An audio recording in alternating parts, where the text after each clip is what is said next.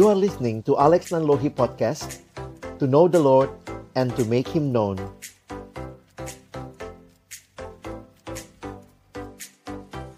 Mari berdoa sebelum membaca merenungkan firman-Nya. Kami datang dalam ucapan syukur malam hari ini. Terima kasih Tuhan. Sungguh karena kasih, anugerahmu, kesetiaanmu yang boleh terjadi di dalam dan melalui hidup kami. Kami boleh memasuki tahun yang baru. Bahkan kami boleh kembali mengingat rayakan kelahiranmu yang memberikan keselamatan bagi kami memberikan sukacita yang kekal bagi kami.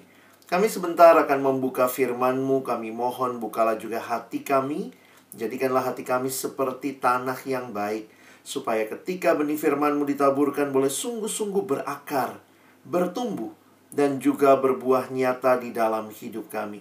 Berkati hambamu yang menyampaikan semua kami yang mendengar, Tuhan tolonglah kami Agar kami bukan hanya jadi pendengar-pendengar firman yang setia, tapi mampukan dengan kuasa, dengan pertolongan dari rohmu yang kudus, kami dimampukan menjadi pelaku-pelaku firman-Mu di dalam hidup kami, di dalam masa muda kami. Bersabdalah ya Tuhan kami anak-anakmu, sedia mendengarnya.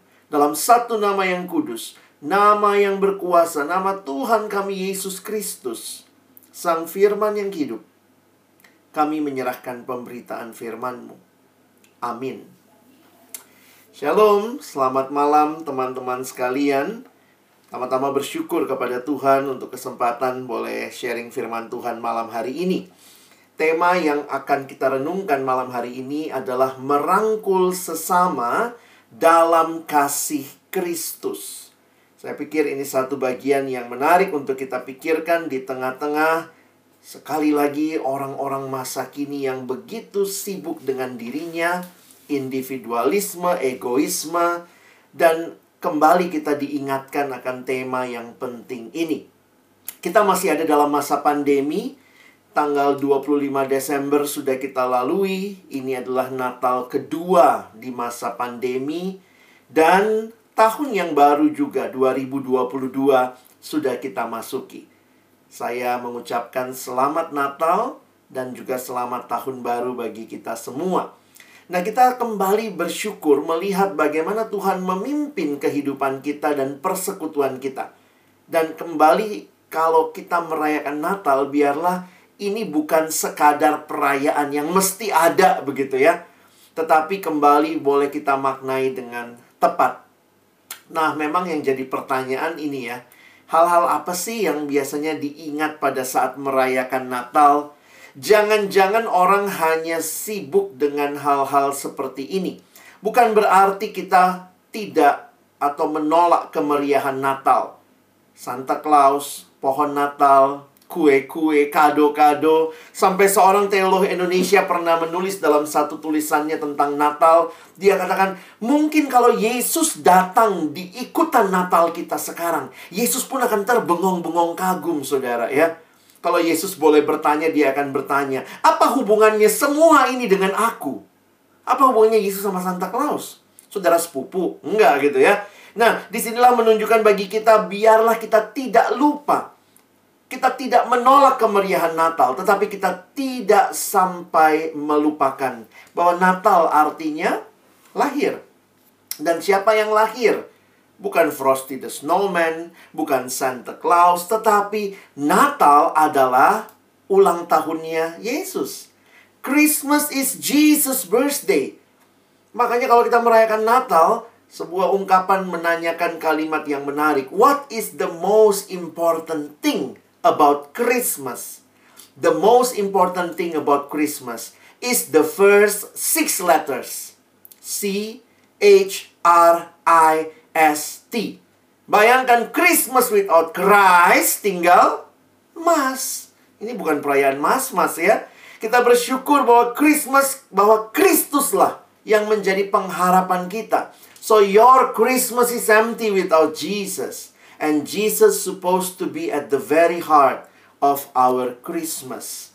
Nah, apa yang kita lihat Yesus bawa di dalam ayat-ayat yang sering kali dibacakan waktu menjelang Natal, di dalam Natal, kita kemudian diperhadapkan dengan dia adalah bukti kasih Allah yang luar biasa. Kalau kita bicara malam hari ini merangkul sesama dalam kasih Kristus, kita mesti ngerti dulu kasih yang seperti apa. Kasih itu sebenarnya bahasa yang universal. Semua orang ngomongin kasih. Semua orang ngomongin cinta. Tapi ya, ini kita perlu sama-sama melihat bagaimana Alkitab menyatakannya bagi kita. Bagian firman Tuhan yang akan kita renungkan malam hari ini 1 Yohanes 4 ayat 7 sampai ayat yang ke-10. Empat ayat ini Alex sudah tuliskan di screen sehingga nanti kita bisa membacanya dan juga menghayatinya. Saudara-saudaraku yang kekasih, marilah kita saling mengasihi sebab kasih itu berasal dari Allah. Dan setiap orang yang mengasihi lahir dari Allah dan mengenal Allah. Itu ayat tema kita. Perhatikan ayat 8. Barang siapa tidak mengasihi, ia tidak mengenal Allah. Sebab Allah adalah kasih. Dalam hal inilah kasih Allah dinyatakan di tengah-tengah kita. Yaitu bahwa Allah telah mengutus anaknya yang tunggal ke dalam dunia supaya kita hidup olehnya. Inilah kasih itu Bukan kita yang telah mengasihi Allah, tetapi Allah yang telah mengasihi kita dan yang telah mengutus anaknya sebagai pendamaian bagi dosa-dosa kita. Teman-teman yang dikasihi dalam Tuhan Yesus Kristus, waktu berbicara tentang kasih Alkitab kita dengan jelas menyatakan bahwa Allah adalah kasih. God is love. Jadi sebenarnya kalau kita mau belajar tentang kasih, itu bukan belajarnya dari drama Korea, belajarnya dari sinetron, ada sekarang ya sinetron apa? Ikatan love begitu ya. Tetapi harusnya kita belajar dari Allah because God is love. Alkitab menyatakan kasih dimulai dari Allah. Perhatikan 1 Yohanes 4 ayat 7, ayat 10, Tadi juga ayat 8 ya, ayat 16 coba kita lihat. 1 Yohanes 4 ayat 7. Sebab kasih itu dituliskan berasal dari Allah. Perhatikan ayat 10. Inilah kasih itu bukan kita yang telah mengasihi Allah, tetapi Allah yang telah mengasihi kita. Bukan dimulai dari kita, tetapi dimulai dari Allah. Mengapa? Karena Allah adalah kasih. Itu yang kita baca di 1 Yohanes 4 ayat 16 dan juga tadi di dalam ayat yang ke-8. God is love. Jadi sebelum kita mengasihi, merangkul sesama dengan kasih Kristus, kita harus memahami dulu kasihnya Allah itu seperti apa. Dan kalau kita melihat bagaimana Alkitab menyatakan kepada kita, maka bukti kasih Allah adalah dengan ia memberikan anaknya. Itu yang kita bisa baca di 1 Yohanes 4 ayat 9 dan 10. Teman-teman perhatikan penjelasan Abang hari ini. Kalau kalian memperhatikan tulisan-tulisan Rasul Yohanes secara khusus, karena dia yang biasa diidentikan dengan Rasul Kasih. Kalau kalian memperhatikan tulisan-tulisan Rasul Yohanes baik dalam Injil maupun di dalam suratnya, maka ada hal yang menarik bahwa hampir setiap kali Yohanes berbicara tentang kasih, dia mengkaitkannya bukan dengan sebuah definisi, tetapi dia mengkaitkannya dengan apa? Dengan sebuah tindakan. Saya ulangi, ini poin yang penting bahwa hampir setiap kali Rasul Yohanes memberikan bicara tentang kasih, dia tidak sedang memberikan definisi kasih, tetapi dia sedang menunjukkan perbuatan tindakan kasih. Coba kita lihat ayatnya ya. Ini buktinya. Jadi ketika Rasul Yohanes bilang dan inilah kasih Allah, dia tidak kemudian kasih Allah adalah kasih yang adalah dimiliki oleh Allah, berasal dari Allah. Dia tidak hanya bicara itu, tapi perhatikan. Dia menunjuk kepada sebuah tindakan kasih, yaitu Allah telah mengutus anaknya yang tunggal ke dalam dunia. Teman-teman perhatikan ayat yang ke-10. Inilah kasih itu. Bukannya dia kasih definisi kasih itu apa. Tetapi perhatikan sekali lagi. Bukan kita yang telah mengasihi Allah. Tetapi Allah yang telah mengasihi kita. Dan Sekali lagi dia menunjuk kepada perbuatan kasih yaitu Allah mengutus anaknya. Perhatikan lagi. Ayat terkenal yang kita suka hafal. Wah, ayat apa paling hafal di Alkitab? Yohanes 3, 16. Demikian juga ayat ini.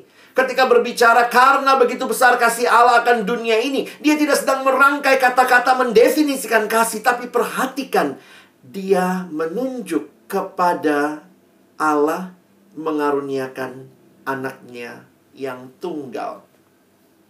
Sehingga teman-teman, kalau bicara kasih dari bagian ini saja, mari lihat apa yang Allah lakukan. Karena ketika berbicara kasih, Allah yang adalah kasih itu selalu ditunjukkan kepada tindakan kasih, yaitu Allah mengaruniakan anaknya. Sehingga tidak heran pendeta almarhum Bill Graham berkata dalam satu kalimat begini. Allah membuktikan kasihnya pada kayu salib ketika Kristus digantung, berdarah dan mati. Itulah saatnya Allah berkata kepada dunia, I love you. Aku mencintaimu. Bahkan kita bisa melihat kalimat indah berikut ini ya. Dari pendeta John Stott. Ini sulit diterjemahkan karena ada keindahan permainan kata di situ. Dia katakan, if we are looking for a, defi a definition of love, we should look not in a dictionary. Bukan definisi dalam dictionary, dalam kamus. But look at Calvary. Lihat apa yang terjadi di Calvary. Mungkin kalian pikir, aduh abang kenapa ngomongin kayu salib sih? Ini kan lagi bicara Natal. Ingat baik-baik. Yesus yang lahir waktu Natal tidak berhenti di kandang yang hina itu.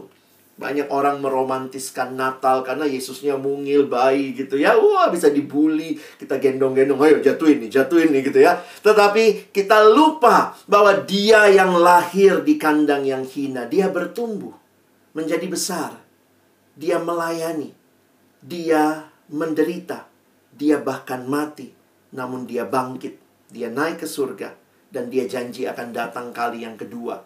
Saudara yang kasih dalam Tuhan, kita tidak hanya bisa melihat satu bagian kehidupan Yesus. Natal menjadi awal karya kasihnya bagi dunia ini. Tetapi jangan pikir hanya berhenti di hanya berhenti di palungan. Di mana Yesus bilang sudah selesai? Bukan di palungan, Bayangkan kalau ada anak bayi ngomong udah selesai lari kali ya itu ya uh, uh, apa domba-domba ya gembala-gembala ada anak kecil bisa ngomong begitu ya. Dia berkata sudah selesai di kayu salib karena di situlah Allah menyatakan apa yang menjadi puncak karyanya yang dimulai di waktu Natal digenapkan di dalam karyanya di kayu salib. Sehingga kalau kita sekarang bilang love ya, anak sekarang mana love, love, ayo coba foto. Biasanya semua langsung tangannya gitu ya. Wih, sarang, sarang ya. Tapi teman-teman, this is not love. This is love. Alkitab berbicara kasih yang bukan sekadar romantisme. Karena kasih Allah, dia mengaruniakan anaknya yang tunggal Teman-teman, ini penghayatan yang tidak mudah ya. Mengaruniakan anaknya yang tunggal. The one and only son. Ibu Teresa pernah kasih satu gambaran perumpamaan. Dia bilang begini ya. Kalau misalnya kamu punya 10 pasang sepatu. Terus kamu kasih satu pasang sama orang orang lain yang membutuhkan. Nah, dia bilang biasanya yang kamu kasih kalau kamu punya 10 pasang, kamu kasih satu pasang. Biasanya yang dikasih ke orang itu yang yang yang gimana? ah, biasanya tuh yang kita kasih tuh yang agak sempit lah, agak jelek dikit lah ya. Syukur-syukur kalau kamu kasih benar-benar yang bagus ya. Jadi kalau Ibu Teresa bilang kalau kamu kasih yang jelek, sebenarnya itu ngasih atau buang. Ini benar juga ya. Itu jangan-jangan buang ya namanya ya. Tetapi ketika Allah mengasihi kita, dia mengaruniakan the one and only son. Tidak, bukan sepuluh kasih satu, masih ada sembilan. The one and only. Karena itu Ibu Teresa mengatakan tidak mungkin kasih itu tidak ada pengorbanan, tidak ada hati yang merelakan dan itu pasti sakitnya tuh di sini. Wis, begitu ya. Waktu Allah mengasihi kita, dia mengaruniakan anaknya yang tunggal the one and only son. Sama seperti seorang yang dia punya cuma satu pasang sepatu. Ketika dia lihat ada orang lain yang lebih membutuhkan, maka dia bilang, aduh ini sepatu saya cuma satu pasang. Tapi saya tahu dia butuh karena itu saya kasih yang cuma satu pasang ini. Waktu kamu mengasihi dengan seperti itu, kamu baru bisa berasa apa yang terjadi ketika Allah mengaruniakan anaknya yang tunggal. Nah, apa yang menarik kemudian teman-teman ya? Waktu kasih itu dimulai oleh Allah, tapi perhatikan hal yang menarik. Tujuan dari kasih Allah itu untuk siapa? Coba lihat, tujuan kasih Allah itu untuk siapa? Bukan untuk dirinya. Kadang-kadang kan kalau sekarang nonton yang love-lovean, drama-dramaan gitu ya. I love you for for me. Aku mengasihimu supaya saya dapat sesuatu. Tetapi ketika Allah mengasihi kita, perhatikan, tidak ada sesuatu yang dia lakukan demi dirinya. Ayat-ayat tadi menuliskan, dia mengutus anaknya supaya kita hidup olehnya. Dia mengutus anaknya sebagai pendamaian bagi dosa-dosa kita. Inilah kasih yang luar biasa yang dinyatakan melalui karya Kristus. Teman-teman, kalau kita mengerti karya kasih Allah, ini karya yang menyelamatkan, karya yang boleh dikatakan menghidupkan. Kita harusnya mati, boleh hidup. Kita yang adalah seteru-seteru Allah, boleh diperdamaikan. Dan luar biasa. Kenapa kita mati? Kenapa kita harus diperdamaikan? Ya karena dosa kita. Alkitab menuliskan Roma 3:23. Karena semua orang telah berbuat dosa dan telah kehilangan kemuliaan Allah. Apa sih dosa itu? Dosa itu kan gambarannya biasa disebut hamartia ya. Hamartia salah satu ungkapan dalam bahasa Yunani menggambarkan dosa seperti sesuatu yang harusnya misalnya orang memanah. Memanah itu harusnya kena sasaran yang paling tengah ya. Sebenarnya harusnya kena bidang sasaran aja udah syukur ya. Tapi ini meleset dari sasaran. Boro-boro kena bidang sasaran. Lihat tuh, nggak ada yang kena. Apalagi kena yang tengah. Tidak. Itulah dosa. Ketika manusia diciptakan untuk memuliakan Allah. Tapi manusia meleset tidak memuliakan Allah. Waktu manusia diciptakan harusnya mengasihi sesama. Tapi meleset kita bukannya mengasihi sesama. Di Taman Eden. Dosa masuk. Suami nyalahin istri. Kamu makan buah pohon itu Adam. Nih perempuan nih Wah, langsung kalau ditanya gitu ya, Adam kau makan buah pohon itu harusnya ngaku dulu ya, iya Tuhan aku makan enak loh, eh gitu ya. Eh Adam bilang, perempuan yang kau tempatkan di sisiku. Dialah yang memberi aku makan dari buah pohon itu. Makanya aku makan. Ngaku juga sih akhirnya ya. Tapi setelah nyalahin orang lain.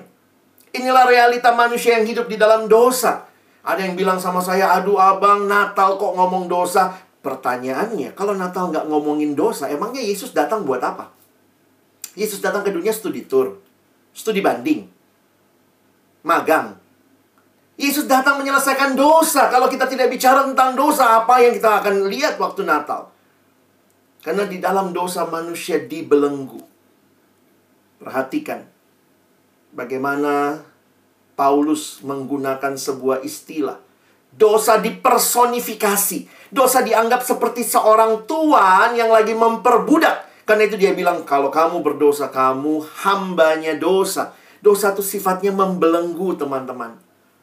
Jadi memang kalau kita perhatikan ya, kasihnya Yesus, kasihnya Allah yang nyata dalam karya Kristus adalah kasih yang membebaskan kita.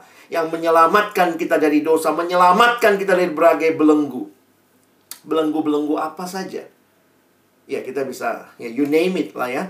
Saya nggak tahu bagaimana hidupmu. Mungkin dalam masa-masa pandemi ini juga dosa-dosa pandemi juga dekat dengan hidup kita begitu ya. Ya jadi kaum rebahan jadi mager males begitu ya. Itu mungkin realita yang dekat dengan hidup teman-teman. Tapi kalau dulu ya saya kadang-kadang lihat saya kan pernah ngekos juga waktu kuliah gitu ya. Wah teman-teman ada yang terikat sama judi mamanya di kampung kirim duit anaknya pakai main judi merokok lah minum minuman keras lah narkoba lah dan seterusnya ada orang-orang yang diikat oleh hal-hal seperti ini dan Yesus datang menyelesaikan belenggu. Membebaskan manusia. Inilah kasih yang memerdekakan, kasih yang membebaskan. Ada yang juga mungkin dibelenggu dengan akar pahit dari masa lalu. Ketika kamu besar dalam keluarga yang disfungsi, yang mungkin di dalamnya yang kamu lihat adalah percekcokan, sehingga muncul jadi orang yang punya akar pahit. Dan itu membelenggu sekali, bukan memerdekakan. Curiga sama orang, ketika ada orang yang tulus, kamu lihatnya juga sulit. Kenapa? Karena pengalaman, pengalaman masa lalu yang mengikatmu. Sehingga tidak heran ya, ini banyak orang dalam masa-masa ini kesehatan mentalnya bermasalah. Ini banyak orang bicara bukan nanti physical uh, health ya, tapi sekarang bicara mental health. Dan apakah ini jadi belenggu yang juga sedang menggerogoti kehidupan kita? Bahkan kita harus waspada. Karena belenggu-belenggu yang kita alami sekarang sering kali juga ada hal-hal yang baik. Nah, perhatikan kalimat abang ya. Ada hal-hal yang baik, tapi waktu kita tidak bisa gunakan dengan baik, itu mengikat kita dalam dosa. Saya ulangi. Ada hal baik, kalau ini kan yang tadi contohnya hal-hal yang buruk ya. Hal yang buruk mengikat kita ya itu jadi nggak benar. Tetapi ada juga hal-hal baik yang ketika kita tidak bisa memberikan batasan, kita tidak bisa mengendalikan diri, itu malah mengikat kita. Contohnya apa? Nah, ini contohnya misalnya HP ya. Ya HP kan hal yang baik sekarang ya ibadah pakai HP, kuliah pakai HP, kalau udah onsite puji Tuhan begitu ya. Tapi kalau kamu terikat, wah ada juga orang-orang yang terikat dengan HP-nya.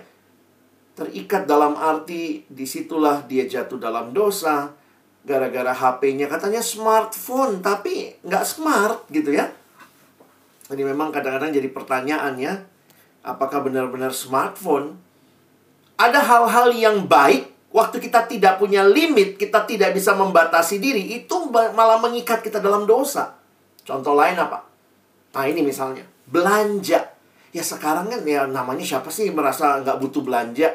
Kita butuh belanja, tapi kalau kamu kecanduan belanja, nah itu beda ya antara kamu butuh belanja sama kamu sudah kecanduan belanja. Karena kayaknya gampang semua sekarang tinggal scroll, tinggal diklik gitu ya, bisa langsung dibayar dan seterusnya. Sehingga banyak orang yang mungkin sega tidak bisa menggunakan uangnya dengan baik.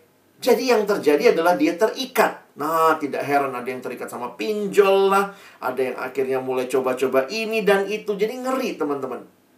Kalau ada orang nanya sama saya, jadi Kak Alex, gimana bedain? Ini ini masih kebutuhan atau ini sudah meng mengikat dalam dosa? Saya pikir sih ketika kamu bisa membedakan mana kebutuhan mana keinginan.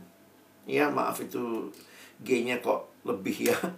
Keinginan keinginan itu belum tentu saudara butuhkan ya tapi ya saya saya banyak melayani anak siswa ya jadi anak siswa tuh kadang penghasilan belum ada tapi mintanya HP mahal-mahal. Ya, jangan bilang anak siswa ya, kamu juga begitu kali ya. Minta HP mahal, minta HP yang canggih sama orang tua, yang HP-nya yang bagus banget gitu ya. Terus kalau saya tanya, itu HP bagus itu sebenarnya keinginan atau kebutuhan? Wah, pinter jawabnya. Itu keinginan yang dibutuhkan. Wah, gitu ya. Nah, jadi teman-teman, hati-hati. Hal baik, waktu engkau tidak bisa punya batasan, itu mengikatmu dalam dosa. Contoh yang lain apalagi? yang lainnya misalnya eh ini nonton drakor ya. Boleh dong nonton drakor saya juga nonton gitu ya. Tapi kalau kemudian kamu tidak tahu lagi apa tugasmu yang utama saya suka bilang gitu sama anak SMA ya. Saya udah kecanduan drakor nggak kak? Lihat aja. Tugas utamamu belajar nonton drakor sambilan. Tapi kalau kamu malah udah kebalik tugas utama nonton drakor kuliahnya sambilan sekolahnya sambilan. Nah mulai tuh Apalagi dengan sekarang ya bisa binge watching gitu ya. Lewatin intronya Bisa dicepetin satu setengah kali Berapa kali, dua kali begitu ya. Wow, udah. Ada orang-orang yang ya dia butuh hiburan Tapi akhirnya dia jadi budak dari hiburan. Jadi nggak bisa gerak dari tempat tidur Di tempat tidur aja gitu ya. Kalau bisa semua kegiatan ada di situ begitu. Nah, ini realita-realita dekat sama kita. Nah, yang lain-lain juga nih ya entah yang suka K-pop dan segala macam ya tidak ada yang salah untuk menikmati hal-hal yang indah yang menyenangkan di telinga kita tapi kalau sudah mengikat dalam dosa kamu tidak lagi bisa membedakan mana keinginan mana kebutuhan hati-hati Yang cowok-cowok mungkin bilang, aduh bang, saya mah nggak gitu-gitu amat gitu. Iya, tapi mungkin ini masalahmu ya. Game online, ya banyak juga yang terikat dengan game online. Rasanya kalau nggak main, rasanya wow, gimana gitu ya. Dan ini realita yang dekat dengan hidup kita. Ada mahasiswa yang ngaku sama saya, aduh kak, gue anim mulu gitu ya. Download segala macam gitu belum lagi yang komik baca. Dan memang itu dekat sama hidup itu jadi hiburan. Tapi kalau hiburan jadi utama itu bukan hiburan lagi. Itu sudah kecanduan namanya. Belum lagi yang paling sering. Nah ini porno. Dulu statistiknya tujuh dari laki-laki tujuh dari sepuluh laki-laki kecanduan pornografi wah sekarang statistiknya mungkin beda ya 11 dari 10 laki-laki ya saking kayaknya udah semuanya gitu ya. Dan ini realita dekat sama kita. Dan Alkitab berkata upah dosa adalah maut. Apakah ini akhir cerita kehidupan manusia? Tidak. Karena Allah yang mengasihimu, Allah yang mengasihiku, dia punya rencana yang indah. Perhatikan. Apa yang terjadi? Ayat 9 tadi berkata, Kasih Allah dia utus anaknya supaya kita hidup. Kasih Allah dia utus anaknya supaya mendamaikan kita dengan Allah. Dan inilah keindahan hidup beriman kita. Jadi kalau kita ngerti kasih Allah teman-teman. Di kepengorbanan Yesus di kayu salib. Dia ingin mengatakan aku mengasihimu. Dan ini beda sekali dengan kasih dunia. Nah sekarang kita coba lihat ya. Kasih dunia itu seperti apa? Kasih dunia bicaranya hanya sekadar perasaan. Teman-teman kalian ada di generasi perasaan. Kayaknya perasaanlah segala-galanya. If you feel like it, then just do it. No. Tidak ada di Alkitab. Kalau saya baca bolak-balik dulu ya, karena lihat melayani remaja bilangnya gitu. Wah, just follow your heart. Ikuti hatimu. Di Alkitab nggak ada follow your heart. Alkitab bahkan berkata hati-hati dengan hati hati pun sudah jatuh dalam dosa. Karena itu dikatakan betapa liciknya hati, lebih licik daripada segala sesuatu. Karena itu Tuhan ingatkan, jagalah hatimu. Nah, kalau begitu, kalau hati saja sudah jatuh dalam dosa, bukan standar kebenaran, maka perasaan bukan segala-galanya. Saya harus katakan kita butuh perasaan, tapi jangan semuanya ikutin perasaan. Harus ada kompasnya apa? Kompasnya firman Tuhan. Orang kalau menikah, yang mempertahankan pernikahan itu kan bukan perasaan. Tapi komitmen. Nah, kasih dunia itu sekadar perasaan. Besok lagi kesel sama suaminya, istrinya cerai. Baru merit dua minggu. Lagi, gue gua rasa gue gak suka sama dia. Selesai. Teman-teman, kalau udah menikah, ngeliat sesuatu yang tidak sesuai dengan yang kita mau sebagai pasangan, itu bisa bikin kesel ya dia kentut bau aja kita marah. Eh, bau, bau, bau gitu ya. Nah, realitanya kalau perasaan jadi segala-galanya. Nah, kita sekarang dunia ini nontonlah drama-drama, lihatlah semua bicaranya perasaan. Kekristenan kasih bukan sekadar perasaan, tetapi love is commitment. Kasih itu bukan kasih yang egois. Kasih itu bukan mengambil. Teman-teman, makanya ada yang bilang gini ya. Nah, ini paling gampang. Bahasa Indonesia tuh paling gampang menjelaskan kasih. Maksudnya gimana? Apa itu kasih? Kasih, ya kasih. Gitu ya? Apa itu kasih? Kasih, ya kasih. Love is giving. Love is not taking, taking, taking. If love is taking, taking, taking, that is not love. That is rampoking. No. Waktu bicara kasih, kasihnya Allah beda sama kasih dunia. Lihat di kayu salib. Allah mengasihi kita. Dia memberikan segalanya bukan untuk dirinya. Tuhan tidak rampok apa-apa dari kita. Tapi dia mengasihi kita. Dan hari ini berani banget kita pilih tema ya. Wih, merangkul sesama dengan kasih Kristus. Siap. Berani sekali tema kita ya. Merangkul sesama dengan kasih Kristus. Tapi kenapa kita bisa berani merangkul karena kita telah dikasihi dengan kasih Kristus. Jadi hanya orang yang sudah ngalamin yang bisa juga bagiin gitu ya. Lihatlah kasih Allah yang sudah kita bicarakan dari tadi. Dan pakailah kacamata yang tepat. Berarti kalau saya harus merangkul sesama dengan kasih Kristus, Saya juga harus begini. Kasihnya aktif. Inisiatif. Kasihnya Allah itu nyata. Kasihnya Allah itu memberi yang terbaik. Kasihnya Allah bukan kasih yang saya tunggu dulu nih. Dia baik sama gue nggak? Kalau dia nggak baik sama gue, nggak jadi deh. Hmm, gue sih pengen ngasih sesuatu, tapi oh, kalau dia nggak baik sama gue, ya tunggu aja. Kasih yang pasif. Kasih Allah adalah kasih yang inisiatif. Bahkan kalimat di dalam kitab Roma pasal 5 ayat 8. Dia mengatakan Allah mengasihi kita. Kristus mati bagi kita bahkan ketika kita masih berdosa. Apa itu kasih? Kasih ya kasih. True love is about giving everything and expecting nothing. Nah, ini jadi menarik ya. Kalau kita merayakan Natal, jadi pertanyaannya begini. Bagaimana seharusnya kita merayakan Natal? Natal itu is it about giving or taking?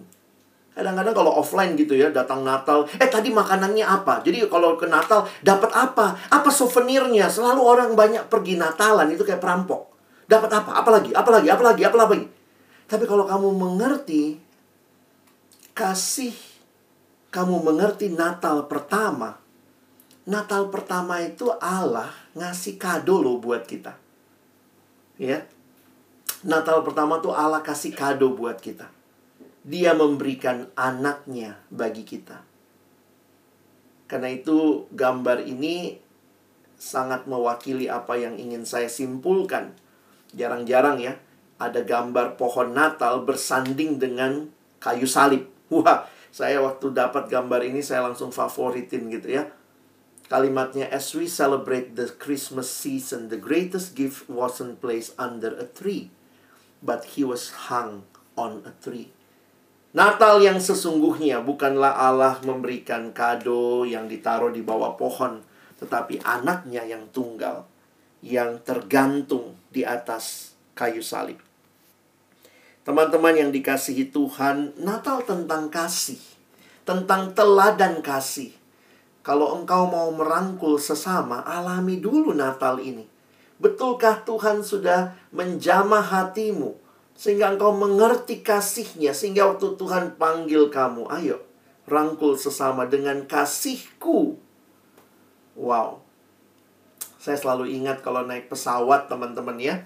Kalau kalian naik pesawat kan biasanya ada jadi berapa puluh kali pun kita udah naik pesawat, berapa ratus kali ya tetap aja ada peragaan cara menggunakan sabuk pengaman, menggunakan pelampung begitu ya. Nah, setiap kali kalimat ini berkesan buat saya ya. Kalau pramugaranya atau pramugarinya bilang, jika tekanan udara di kabin mendadak menurun, maka masker oksigen seperti ini akan keluar dari panel di atas Anda. Tarik masker menutupi mulut dan hidung, kaitkan kal, uh, talinya di kepala dan bernafaslah seperti biasa. Wah, sampai situ biasa aja. Tapi saya terkesan selalu dengan kalimat berikutnya. Bagi Anda yang bepergian dengan anak-anak atau orang yang membutuhkan bantuan, pakailah masker Anda lebih dulu, lalu tolonglah orang yang lain. Wow. Teman-teman, kalau kita mengalami kasih Allah, maka tidak bisa tidak. Saya selalu menghayatinya seperti gambar ini ya. Kenapa Tuhan izinkan saya mengalami kasihnya? Ternyata bukan buat saya. Kalau saya udah pakai masker itu, saya udah menikmati kasih Allah yang saya hirup dengan indah. Ternyata Tuhan mau saya tolong orang lain menikmati kasih itu. Tidak heran ayat-ayat yang kita baca, kalau kalian lanjutkan 1 Yohanes 4 ayat 11, tadi kita berhenti di 10 ya. Kalau kalian lanjut ke 11. Saudara-saudaraku yang kekasih, jikalau Allah sedemikian mengasihi kita, haruslah kita juga saling mengasihi. Jadi memang harus terjadi kalau kita mengalami kasihnya Allah tidak bisa tidak kita pun real mengasihi sesama. Ayat tema kita hari ini. Saudara-saudaraku yang kekasih, marilah kita saling mengasihi. Sebab kasih itu berasal dari Allah. Dan setiap orang yang mengasihi lahir dari Allah dan mengenal Allah. Jadi kalau teman-teman merindukan Natal, ingatlah baik-baik. Natal itu adalah semangat memberi yang terbaik kepada Allah dan kepada sesama. Karena itu mari pertama-tama nikmati kasih itu di kalangan kita dulu ya. Di antara kita orang beriman, let there be love shared among us. yang sama-sama mengalami kasih Kristus. Persekutuan orang percaya Tuhan hadirkan. PMKOH ini Tuhan hadirkan supaya we exercise the love of God. Seorang teolog bernama Eugene Peterson berkata demikian, kita adalah sebuah komunitas.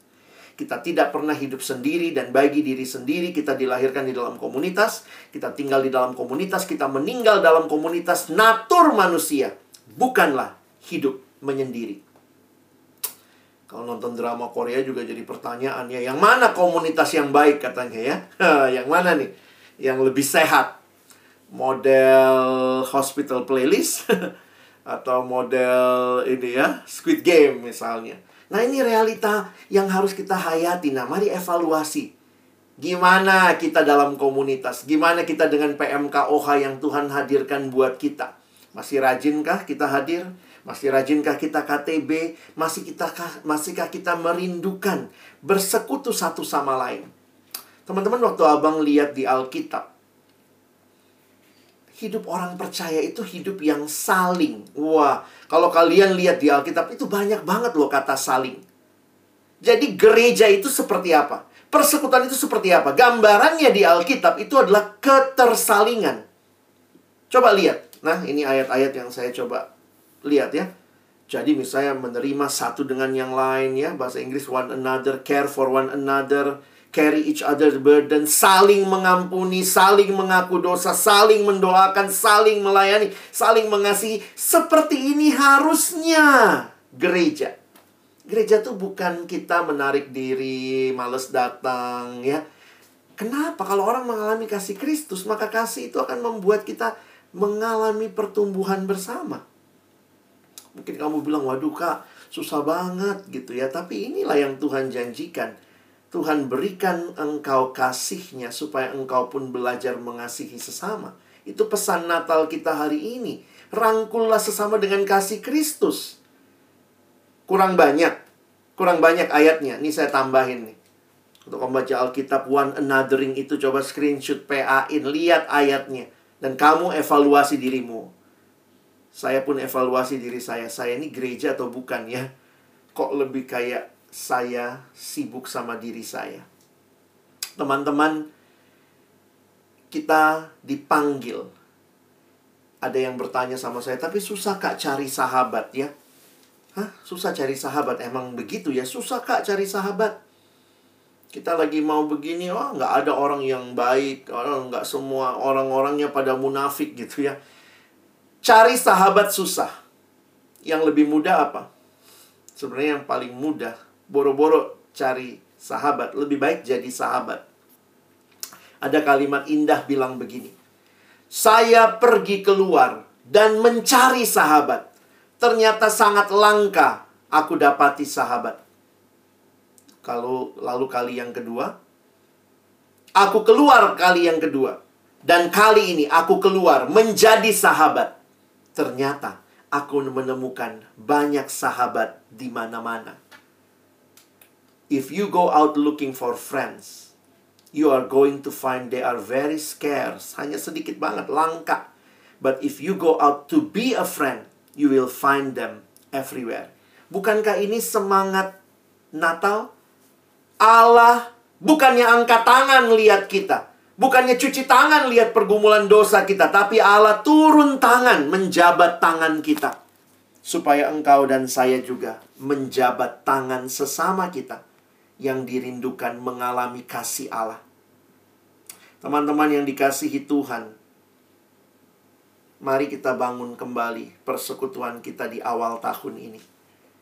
Dan hanya ketika persekutuan kita boleh solid di dalam, maka kita pun keluar akan lebih jelas mengasihi satu sama lain. Kadang-kadang abang pikir dalam masa-masa seperti ini ya, banyak yang belum pernah ketemu. Saya ingat satu ilustrasi yang bilang begini, jangan cuma senang di HP-mu banyak kontak. ya, kalau coba periksa HP kita pasti ada kontak ya. Mungkin kita kasih nama, ini anak OHA, ini anak gereja, ini keluarga gitu ya. Tetapi, apa artinya kita bisa menjadi sahabat yang mungkin dari beberapa kontak mari kita connect gitu ya jadi from contact to connect Dan saya pikir ini satu semangat yang bisa kita bagikan sama-sama mulai dari persekutuan kita.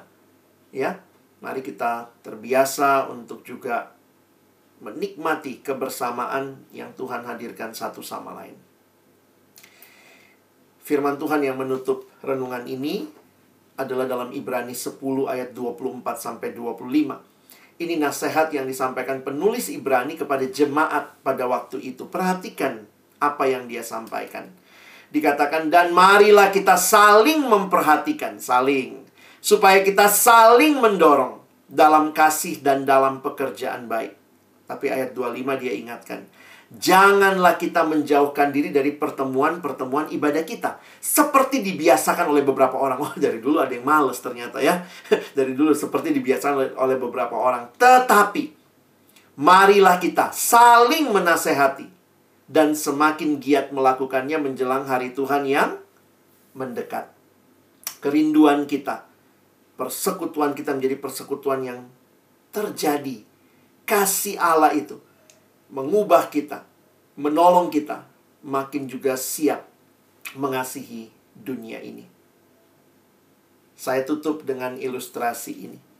Satu waktu Santo Agustinus ditanya, bagaimana bentuk dan rupa kasih? Lalu Santo Agustinus menjawab, kasih memiliki tangan untuk menolong orang lain. Kasih memiliki kaki untuk menghampiri mereka yang miskin. Kasih memiliki mata untuk melihat kebutuhan orang lain. Kasih memiliki telinga untuk mendengar rintihan mereka yang menderita. Demikianlah rupa kasih. Mengasihi orang lain, menolong orang lain tidak selamanya ngasih duit, teman-teman.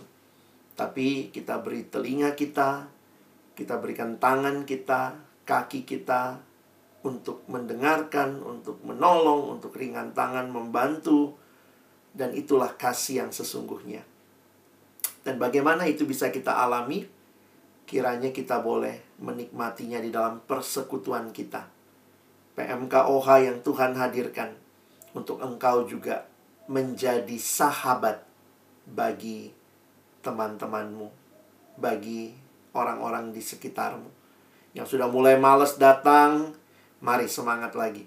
Yang sudah mulai lari-lari KTB pura-pura slow respon gak bales WA gak bales line Nah ayo kita sama-sama lagi ya Kenapa? Kita butuh persekutuan Jangan menjauhkan diri Kita butuh Dan di dalamnya Tuhan sudah sediakan saudara-saudara Yang akan sama-sama bertumbuh bersama kita Alami Natal tahun ini Dan kiranya kita boleh memasuki tahun baru ini dengan semangat untuk hidup bagi Allah dan juga hidup bagi sesama. Sekali lagi selamat Natal 2021 dan selamat tahun baru 2022. Tuhan Yesus memberkati kita. Mari berdoa. Tuhan terima kasih buat firman-Mu setiap kebenaran yang kembali meneguhkan hati kami bahwa sungguh kami dipanggil merangkul sesama kami dengan kasih Allah. Kami rindu boleh hadir nyata bagi mereka. Menolong yang membutuhkan, memberi telinga kami, memberikan mata kami melihat pergumulan, memberikan tangan kami menolong, melangkahkan kaki kami bergegas kepada mereka yang mungkin membutuhkan kehadiran kami. Sekali lagi kami bersyukur kalau tema Natal kali ini menantang kami untuk bukan hanya menikmati Natal sebagai orang yang menikmati kasih Allah, tetapi yang juga dipanggil kasih, ya kasih kepada sesama yang ada di sekitar kami. Mungkin kami mulai di KTB kami, di PMK OH, di lingkungan sekitar kami. Dan pada akhirnya dunia boleh mengenal siapakah kasih yang sesungguhnya yaitu Allah sendiri yang mengaruniakan anaknya Yesus Kristus. Biarlah mereka juga boleh datang dan percaya menikmati kasih yang indah itu. Kami bersyukur untuk firman-Mu dalam nama Tuhan Yesus kami sudah berdoa.